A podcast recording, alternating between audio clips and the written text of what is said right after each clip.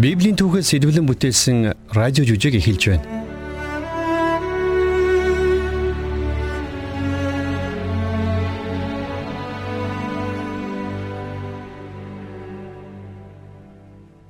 Харанхуй шүнж итгэл найдвараар дүүрэн гэсэн нэртэй радио цуврал жүжигийн Үлсгэлэн арслангуудын дунд шүнийг өнгөрөөснө гэсэн нэртэй Даниил номын 6 дугаар бүлгээс сэтвэлсэн шин дугаар танд хүрэхэд бэлэн боллоо.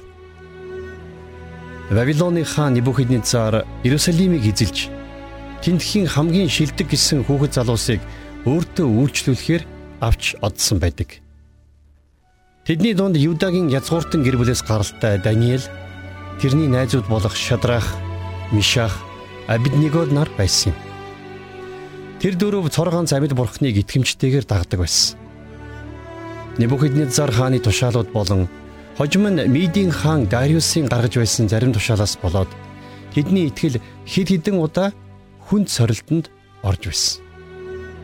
Хоол хүнсний зүйлсээс татгалзах, хуурамч үтэнд мөрөгөхөд хүчлэх, залбирлаа хориулах гэх мэт янз бүрийн сорилтыг тэд тэсч давж гарсан байдаг.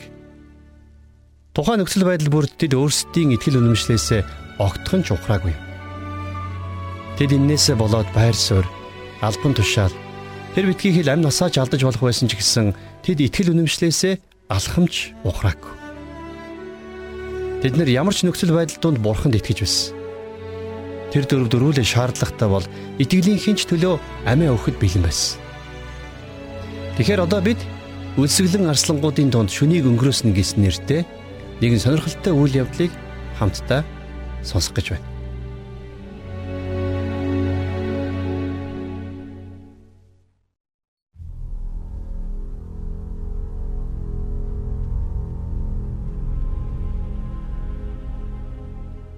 Бидний хайрлж хүндэлдэг бүхнийг булан авсан тэр мөчийг бид хизээч мартахгүй.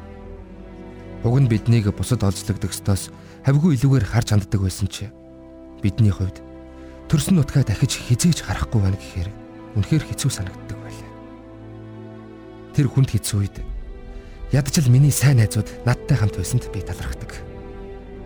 Энэ олон жилийн хойно одоо ч гэсэн би найз нарыгаа Бабилон нэрээр нь дуудаж сураагүй л байна бид нар хар багасаа л нөхрөлж өссөн. Ханания, Мишаил, Азерия нар бол миний багын найзууд. Харин энд би тэднийг Шадрах, Мишах, Абаднего гэж дуудах ёстой. Ингээд бодохоор тэд бидний хийсэн бүхнийг булаагаа зогсохгүй. Дуудах нэрийг минь хүртэл булаач. Гисэн хідээч зүрх сэтгэлдээ бол би бэлтэр шасаар биш.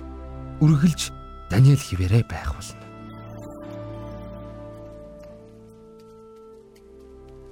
Ашпинаас за хаанта чи цөллөгт ирсэн залуусаас харж байгаад удирдан зохион байгуулах чадвартай. Хамгийн шилдэг залуусын сонгоодох за хаанта эрүүл саруул биетэй сарай зүс сайтай гол нь ухаалаг мэрэгэн залуу байх хэрэгтэй.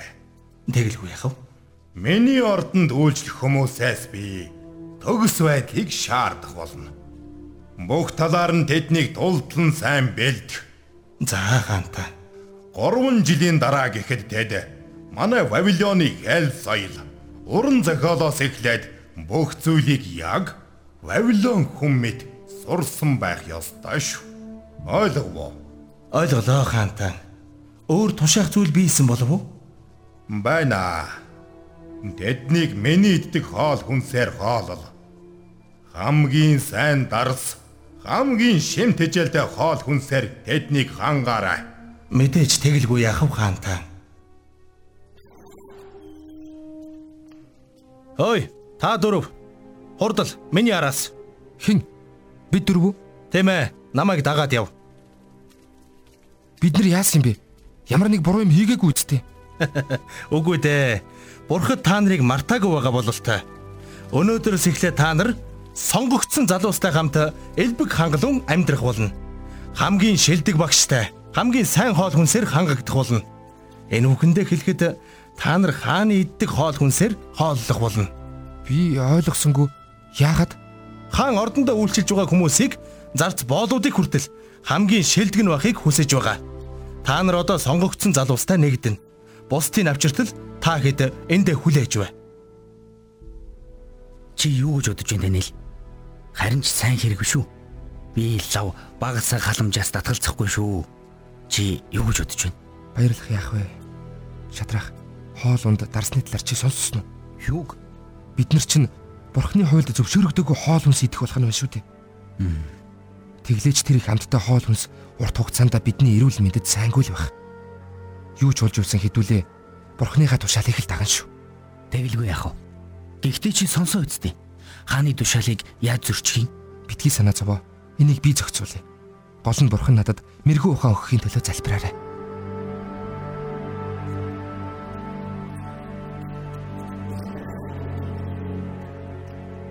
За. Та нарт зориулж бүх бэлтгэлийг хангалаа. Уучлаарай архимаа. За яасан? Бидэнд ганцхан хүсэлт байна л да. За. Та биднийг хааны хоол хүнснээс хооллох үүргээс хилтрүүлж өгнө үү? Энэ асуудлыг би шийдэхгүй. Хэрвээ би та нарт муу хоол хүнс өгөөд та нарын эрүүл мэнд муудсныг хаа мэдвэл би толгойг болно. Уучлаарай. Би энэ тал дээр тусаж чадахгүй нэ. Би энэ хэмжээнд хүртлээ маш их зүтгэсэн. Та эдийн хоолны асуудлаас болоод байгаа бүхний алдмааргүй л байна шүү.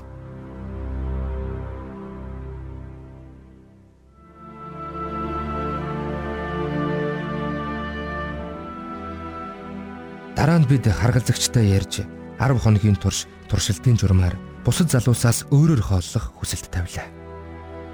Хааны тушаасанчлан сайн дарс баялаг хоол хүнсний оронд бид 10 хоногийн туршид өөрсдийн идэж дадсан ус болон ногоог хэрэглэхийг хүссэн юм. 10 хоногийн дараа бидний байр байдлаас гараад цаашид ямар хоол өгөхийг шийдэрэй гэж бид гойлаа. Хэдийгээр харгалзагч эхэндээ эргэлзэж байсан ч дараа нь зөвшөөрсөн юм. 10 хоногийн дараа бид хааны элбэг дэлбэг хоол хүнсээр хоололсон бусад залуусаас хавьгүй илүү эрүүл саруул царай зүс сайтай байлаа. Тиймээс харгалзагч биднийг үргэлжлүүлэн ус болон ногоогоороо хооллохыг зөвшөөрсөн юм. Бид дөрөв заасан бүхнийг сайн сурч өдрөөс өдөрт улам бүр хүчрхэгдсээр байлаа. Бурхан надад зүүд болон үзэгдлийг ойлгох авьяас чадварыг өгсөн юм. 3 жилийн туршид бэлтгэгдсэний эцэст Ашпиназ биднийг хаантай уулзуулсан юм. Бидэнтэй ярилцаж үзснийхаа дараа Нибухаднезар хаан бидэнтэй энэ тэнцэх залуус байсангүй гэж үнэлсэн билээ. Хаан тулсын дотор буй хамаг элбчин зурхаач нараас 10 дахин илүү байсан юм.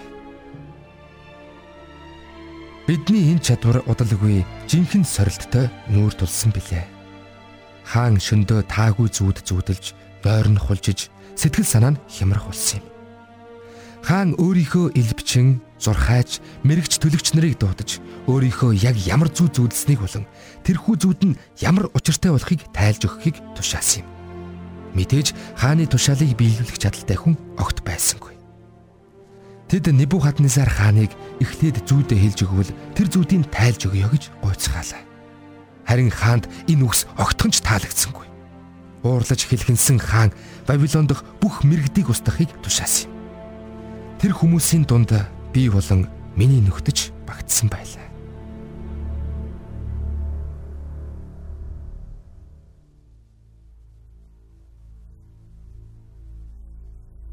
Яах вэ Даниэл?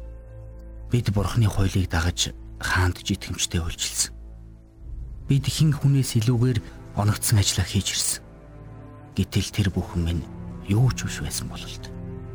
Хааны тэр солиотой тушаалаас болоод бид ингээд амиа алдах гэж юу? Түр хүлээ шатрах. Би хаантай уулзаж зүүдийн тайлах хүсэлт хөргүүлсэн байгаа. Намайг тэр уулзалтанд бэлтгэх зур та гурав миний төлөө залбираарай. Бурхан өөрийн тэнгэрлэг ивчлэлтийг надад өгөхийн төлөө гуйгаарай. Сайхан санаа байна Даниэл. Бид чиний төлөө хамгийн дээд бурхнаас залбирanгуйна. Тэр шин бурхан надад үзэгдэл дотор хааны зүүдийг болон зүүдний тайллыг илчилсэн юм. Тэгээд маргааш нь би хаантай уулзлаа.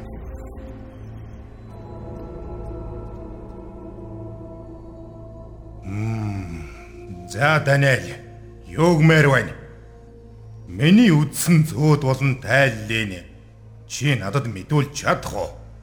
Хааны шаардсан нууцыг мэрэгд, зурхаачид, элбчид, төлөгч нарын аль нь ч хаанд мэдүүлж чадахгүй. Харин нууцуудыг илчилдэг бурхан тэнгэрт байдаг бөгөөд хожмын өдрүүдэд юу тохиолдохыг тэрээр Нибухаднесар хаанд мэдүүлжээ. Таныг орондоо байхад толгойтой нүзэгдсэн зүүд ба зүн ийм болоо. Хааны зүүдээр дамжуулан бурхан хаанд чухам юуг ойлгуулахыг хүссэн болохыг Түүний хаанчлалын ирээдүйн талаар ярьсны дараа хааны сэтгэл ихэд хөдөлж намайг бүх Вавилоны захирагчаар томиллоо. Тэр битгий хэл намайг Вавилоны бүх мэрэгдийн тэргүүн захирагч болгосон юм. Бас миний хүсэлтээр гурван найз маань тушаал дэвшсэн юм. Ийм зүйл болсны дараа Нибухаднесар хаан цорын ганц амьд бурханд сөгдөн мөрөгцөн гэж та бодож байна уу? Харамсалтай нүггүй тэрээр хуучин амьдралаараа амьдарсаар байсан юм. Нибухаднезар хаан 60 тохой өндөр 6 тохой өргөн алтан хөрөг бүтээж тэрхүү хөргөний нээлтийн үеэр чанга хөгжмийн чимээнээр бүх хүмүүст хөрөгт сөгдөн мөрөхийг тушаал буулгасан юм. Харин сөгдөн мөргөөгүй хүмүүсийг дүрлэлтсэн галтай зууханд хаях болно гэж сүрдүүлв. Тэр газарт Шадрах, Мишах, Абедnego бид гурав байж таарсан юм. Тэгээд чанга хөгжим дуурахад бүх хүмүүс сөгдөн мөргөж харин тэр гурвал хөл дээрээ бат зогссон чигээрээ үлдсэн юм. Нибухаднесар хаан тэдэнд бодлоо өөрчлөх боломж олгосон ч тэд эрс эсэргүүцсэн билээ.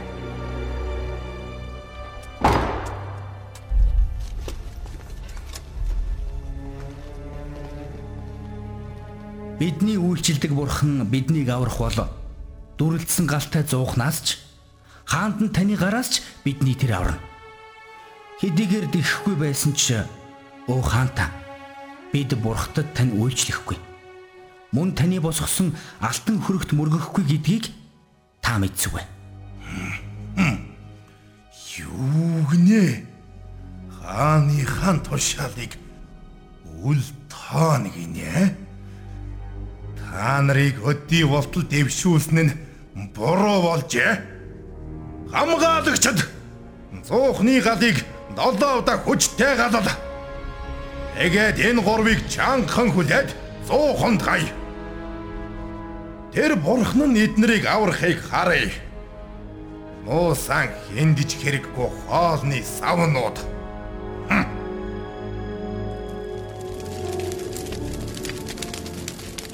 Найз нарын их маань галтай зууханд хайсан хөөхий тэр цэрэг ирсч өөрсдөө галын дүнд шатаж өгсөн. Харин Шадрах, Мишах, Абедnego гурав амьд үлдсэн юм. Нибухаднесар хаан тэнд хүлээсгүй дөрвөн хүн гал дунд байгааг харсан гэдэг. Нибухаднесар хаан найзуудыг минь галтай зуухнаас гарч иргэж тушаахад тэд гал дундаас гарч иржээ. Бүх аймгийн удирдагчид цэргийн ноёд бүгд тэднийг хараад гайхан шагшиж байв. Тэднийг галтай зуухан дотроос гарч ирэх нь битгий хэл. Галтай ойр байсан шинжгүй байгааг хараад бүгд гайхаж байлаа. Тэд түлэгдэж хуйхлагдаагүй, хувцсан шатаагүй, түлэнхий үнэрч үнэртэхгүй байсан юм.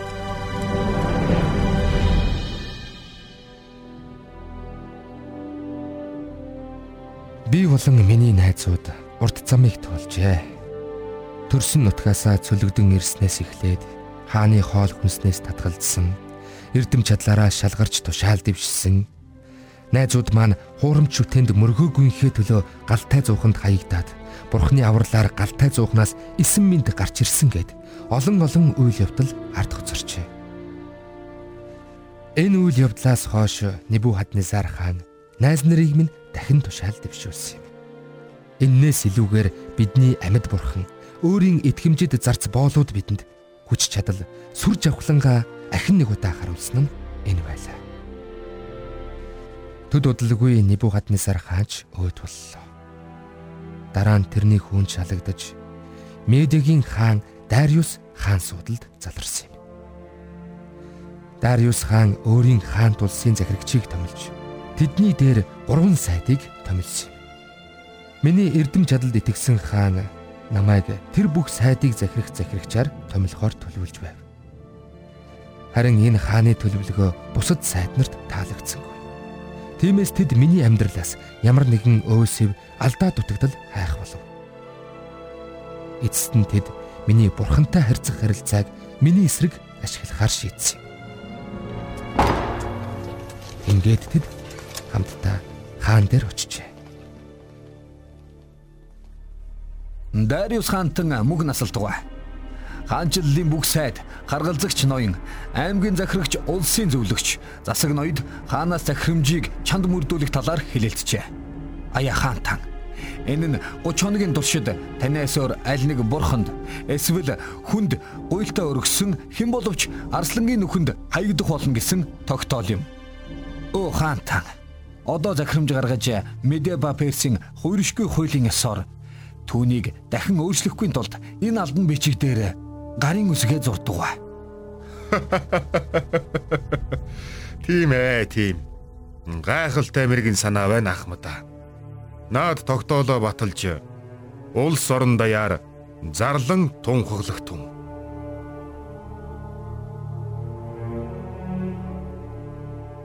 Хэдийгээр хааны тушаал батлагдсан боловч гурван нөхрийнхөө адил бурханд итгэх итгэлээ бац их хар шийдсэн юм.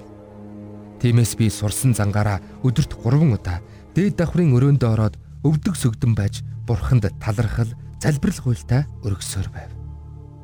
Цонх маань ямагт онгорхой байдаг байсан учраас намайг сүрүүлэхийг хүсэгч тэдгээр хүмүүс намайг амархан олж харах боломжтой байлаа. Ингээд тэд миний тухай мэдээг Дариус хаанд хүргэсэн юм.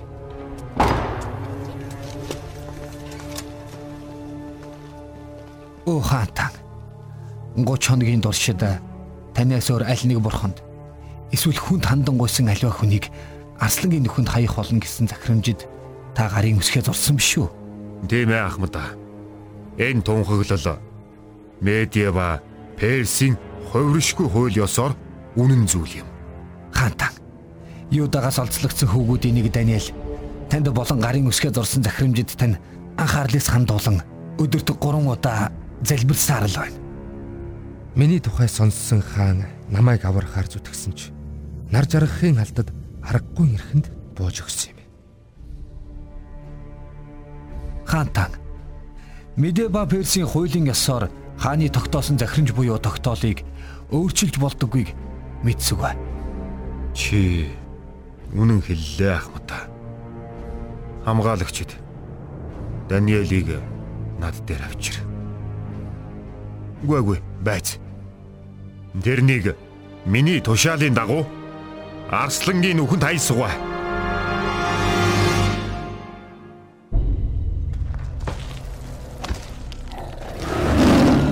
Төд удалгүй тэд намайг Арслангийн нүхний аман дээр авчирав. Тэнд цугларсан сайд түшмлүүдийн сэтгэл хангалуун байсан бол харин хааны сэтгэл тавгүй байлаа. Тэгээд хинэн тэргүүн нь байна да. Ингээд тоохтой. Даниэл чиний үргэлж үйлчилдэг бурхан чинь чамайг аврах болтугай. Хамгаалагч нар Арслангийн нүхний дээр том чулуу тавин таглав. Хаан болон түшмлүүд тэрхүү тавийг лацадсан. Миний амьдралын хамгийн сүүлчийн шин болох нь дээ гэж би бодож байлаа. Бурхан намайг аварч чадна гэдгийг би мэдж байсан ч яаж гэдгийг мэдэхгүй байна. Тэдгээр арслангуудын нэг нь намайг хідэн хэсэг болгон тасдахад хангалттай байсан. Гисэн хэдий ч намайг тэрхүү нөхрөө шидэх үед би итгэл найдвараа зөвхөн бурхан эзэндээ тавьж байлаа. Тэр чин надад юу ч тохиолдсон бай. Бурхан надтай хамт байна гэдэгт би итгэж байсан. Хааны хувьд тэр шин бүрч хэцүү өнгөрсөн гэдэг. Хаан хоолч идэлгүй, зугаацж цэнгэлгүй, бүтэн шүнжин нойргүй хонжээ. Тэгээд өглөө эртлэн босоод Арслангийн нүхний аман дээр иржээ. Амьд бурхны зарц Даниэла чиний үргэлж үйлчилдэг бурхан чамайг Арслангийн савраас аварч чадвуу. Аяа хаантан минь мөнх насалтгүй. Бурхан тэнгэр хилчээн илгээж арслангуудын амийг тагилсанд арслангууд надад хор учруулсангүй. Учир нь би тэрний өмнө гимгүйд тооцогдож бас хаантан танд ямар ч гим хор хийгээгүй. Хамгаалагчид энэ сайн хүнийг Эндээс яг одоо гаргаж ав.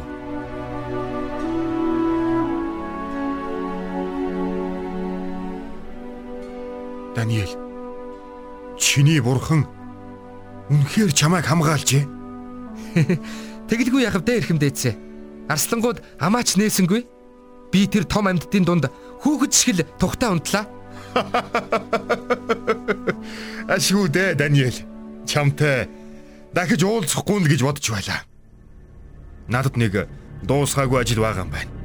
Хамгаалагчид энэ хүнд муу санж байсан тэр хүмүүсийг олж авчир. Тэднийг энэ нүхэнд хайж арслангийн идэж болох. Ингээд Дариус хаан нэгэн зарлиг гаргасан юм. Миний хаанчлалын эрх мэдэл хаа байна? Тэнд хүмүүс Даниэлийн бурхны өмнө эмээн чичрэгтүүн химээх зарлигийг би гаргаж байна. Учир нь тэрээр амьд бурхан үрд мөнх хувиршгүй. Тэрний хаанчлал устгагдашгүй. Эрх мэдэл нь төгсгөлгүй. Тэрээр тэнгэр, газарт аварч чөлөөлж гайхамшиг тэмдгүүдийг үйлддэг. Тэрээр бас Даниэлийг арслангийн савраас аварсан.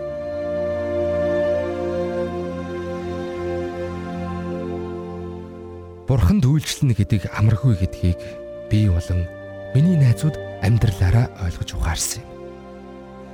Гэхдээ бурхан хизээ ямагт итгэмжтэй байдаг. Би л гэхэд тэр өлсгөлэн арслангуудын аманд хідэн хэсэг тасжуулах байсан. Гэхдээ ийм зүйл болсон ч бурхан надтай хамт гэдгийг би мэднэ. Бидний амьдралд тохиолдох аливаа зовлон бэрхшээл донд бурхан бидэнтэй хамт байдаг гэдгийг би сайн мэднэ. Бурхан бидэнтэй ямагт хамт байж хайр, амар тайван, итгэл найдвар баяр хөөргийг бидэнд өгдөг. Цаг нь болоход бид бүгдээрээ л өөд болно. Тийм учраас хизээ яаж гэдэгт нь санаа зовох хэрэг байна уу та? Хэрвээ бид цорын ганц үнэн бурхныг дагаж байгаа бол энэ дэлхийг орхин оцсныхоо дараач бурхантай мөнхийн мөнхөд хамт байх болно шүү дээ. Иннээс илүү амлалт гэж үгүй билээ.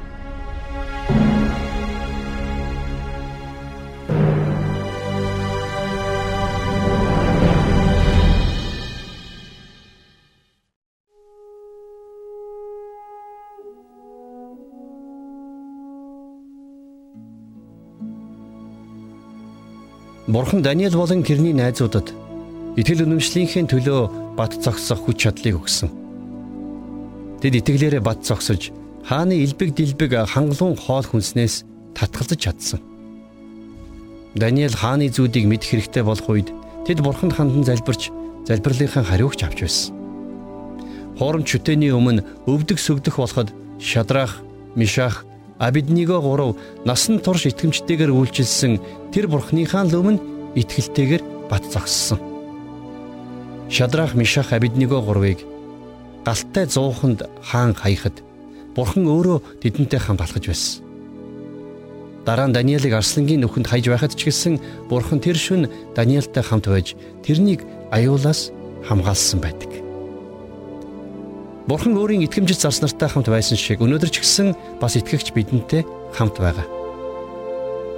Бид Бурханыг нүдэрээ харахгүй байж болох ч гэсэн тэр бидэнтэй хамт алхаж амьдралдаа тохиолдсон альва саад бэрхшээлийг даван гарах, цорилтыг ялан дийлэх хүчийг бидэнд өгсөөр байдаг. Бид ч гэсэн бас Даниэлийн найз нар шиг бидний үйлчлдэг Бурхан биднийг аврах бол аварна. Хэдийгээр тихгүй байсан ч өө хаантан бид бурхтадтай нь үйлчлэхгүй мөн таны босгосон алтан хөрөгт мөрөхгүй гэдгийг та мэдтүгэй гэж итгэлтэйгээр хэлж бурхандаа итгэмжтэйгээр хүндлэл мөрөглийг өргөж чадна. Бурхан бидэнтэй өдөр бүр хамт байхыг хүсдэг. Тэр бидний гим нүглийг уучлах тэр арга замыг бидэнд аль хэдийнэ өгсөн. Тиймээс бид нар бурхантай мөнхийн мөнхөд хамт байх боломжтой юм. Энэ бол амьд бурхны амьд үг болсон Есүс Христ. Бурхан Есүс Христийг энэ дэлхийр үлгээхдээ бидний аврагч болгон илгээсэн. Тийм учраас Илж Паул өөрийнхөө бичсэн загталтаа Христ Есүс нүгэлтнүүдийг аврахаар ертөнцид ирсэн гэж маш тодорхой бичсэн байдаг. Есүс өөрөө онгон Мариагаас мэндэлсэн. Тэр гин зэмгүй төгс ариун амьдралаар амьдарсан. Библиэлд хэлэхдээ учир нь ганц бурхан байна. Мөн бурхан ба хүмүүсийн хоорондох ганц зууч хүмүүн болох Христ Есүс байна гэж бичсэн байна. Тэгэхээр зөвхөн Есүс Христээр дамжуулан бид гимнүглээ уучлуулах боломжтой юм. Би одоо бурханд хандан чин сэтгэлээсээ залбирах гэж байна. Та миний залбирахыг сонсоорой. За тэгээд дараа надтай хамт залбираарай. Бурхан минь ээ.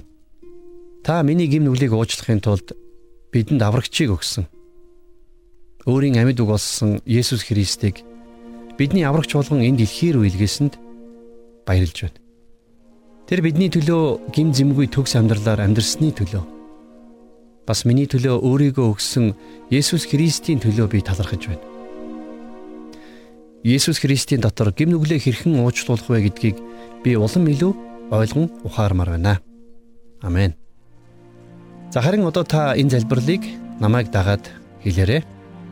За ингэж залбирахдаа та харин өөрийнхөө чин зүрх сэтгэлээсээ бурханд хандан залбираарай. Бурхан минь ээ. Миний гим нүглийг уучлахын тулд та аврагчийг явуулсан. Та өөрийн амьд үг болсон Есүс Христийг энэ дэлхий рүү илгээсэнд баярлалаа. Тэр бидний төлөө гим зэмгүй төгс амьдралаар амьдарч бидний нүглийн төлөө өөрийгөө өгсөн гэдэгт би итгэж байна. Есүс Христийн дотор гим нүглээ яаж уучлуулах вэ гэдгийг би улам бүр ойлгохыг хүсэж байна. Амен. За хэрвээ та энэхүү залбирлыг надтай хамт залбирсан бол Бурхан таныг сонссон. За тэгээд дараа дараачихын дугаараар бид гим нүглээ уучлуулах талаар илүү дэлгэрэнгүй үзэх болно.